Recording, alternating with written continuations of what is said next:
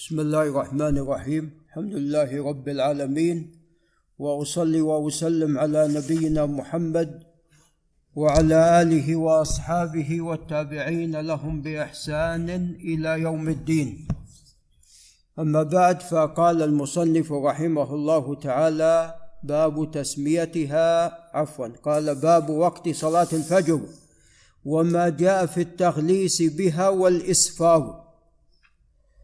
نعم.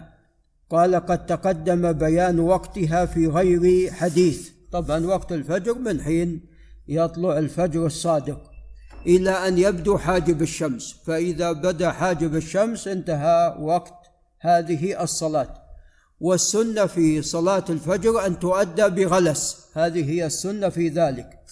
قال وعن عائشة رضي الله عنها قالت كن نساء المؤمنات. يشهدن مع النبي صلى الله عليه وسلم صلاة الفجر متلفعات بمروطهن ثم ينقلبن إلى بيوتهن. حين يقضين الصلاة لا يعرفهن أحد من الغلس. هذا بعد انتهاء الصلاة. فدل هذا على أنه كان عليه الصلاة والسلام يبكر بها. قال رواه الجماعة وللبخاري ولا يعرف بعضهن بعضا.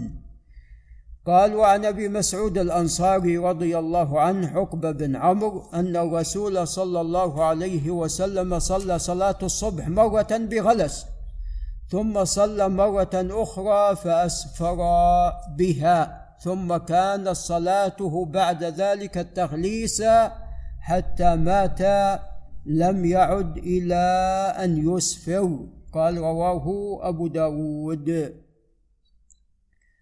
نعم.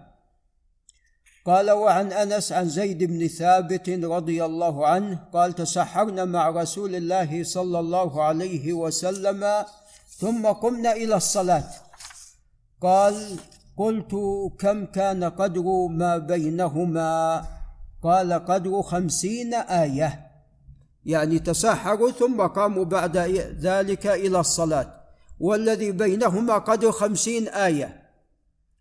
فدل هذا على أنه عليه الصلاة والسلام كان يبكر بها. خمسين آية يعني سبع دقائق ونحو ذلك عشر دقائق. نعم. فدل هذا على أنه يبكر بها. ليس هناك كبير فرق ما بين السحور وما بين إقامة الصلاة وإيقاع الصلاة. قال وعن رافع بن خديج رضي الله عنه قال قال رسول الله صلى الله عليه وسلم أسفروا بالفجر فإنه أعظم للأجر. رواه الخمسة وقال الترمذي هذا حديث حسن صحيح. نعم أسفروا بالفجر أي تأكدوا من طلوع الفجر والله أعلم. أسفروا بالفجر أي تأكدوا من طلوع الفجر. ويعني الآن المسألة محل خلاف بين الناس. هناك من يقول أن التقويم يعني صحيح ومضبوط أي بالنسبة لصلاة الفجر. وهناك من يقول أن التقديم فيه أن عفوا التقويم فيه بعض التقديم. نعم. وهذه المسألة يعني هي أيضا قديمة. قديمة جديدة ليست يعني هي وليدة الساعة.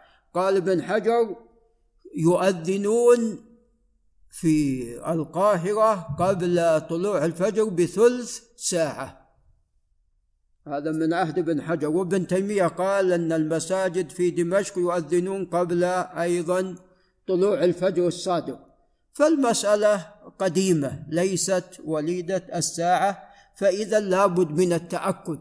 ولذا يعني إذا أخرت الصلاة يعني الآن على حسب التقويم أخرنا الإقامة فهذا جميل وحسن. وطبعا المشكلة في النساء يعني بعض النسوة من حين تسمع الأذان تبادر إلى أن تصلي. لا الأولى لا تفعل ذلك وإنما تنتظر يعني ثلث ساعة ونحو ذلك ثم بعد ذلك توقع الصلاة. هذا وبالله تعالى التوفيق. آمين.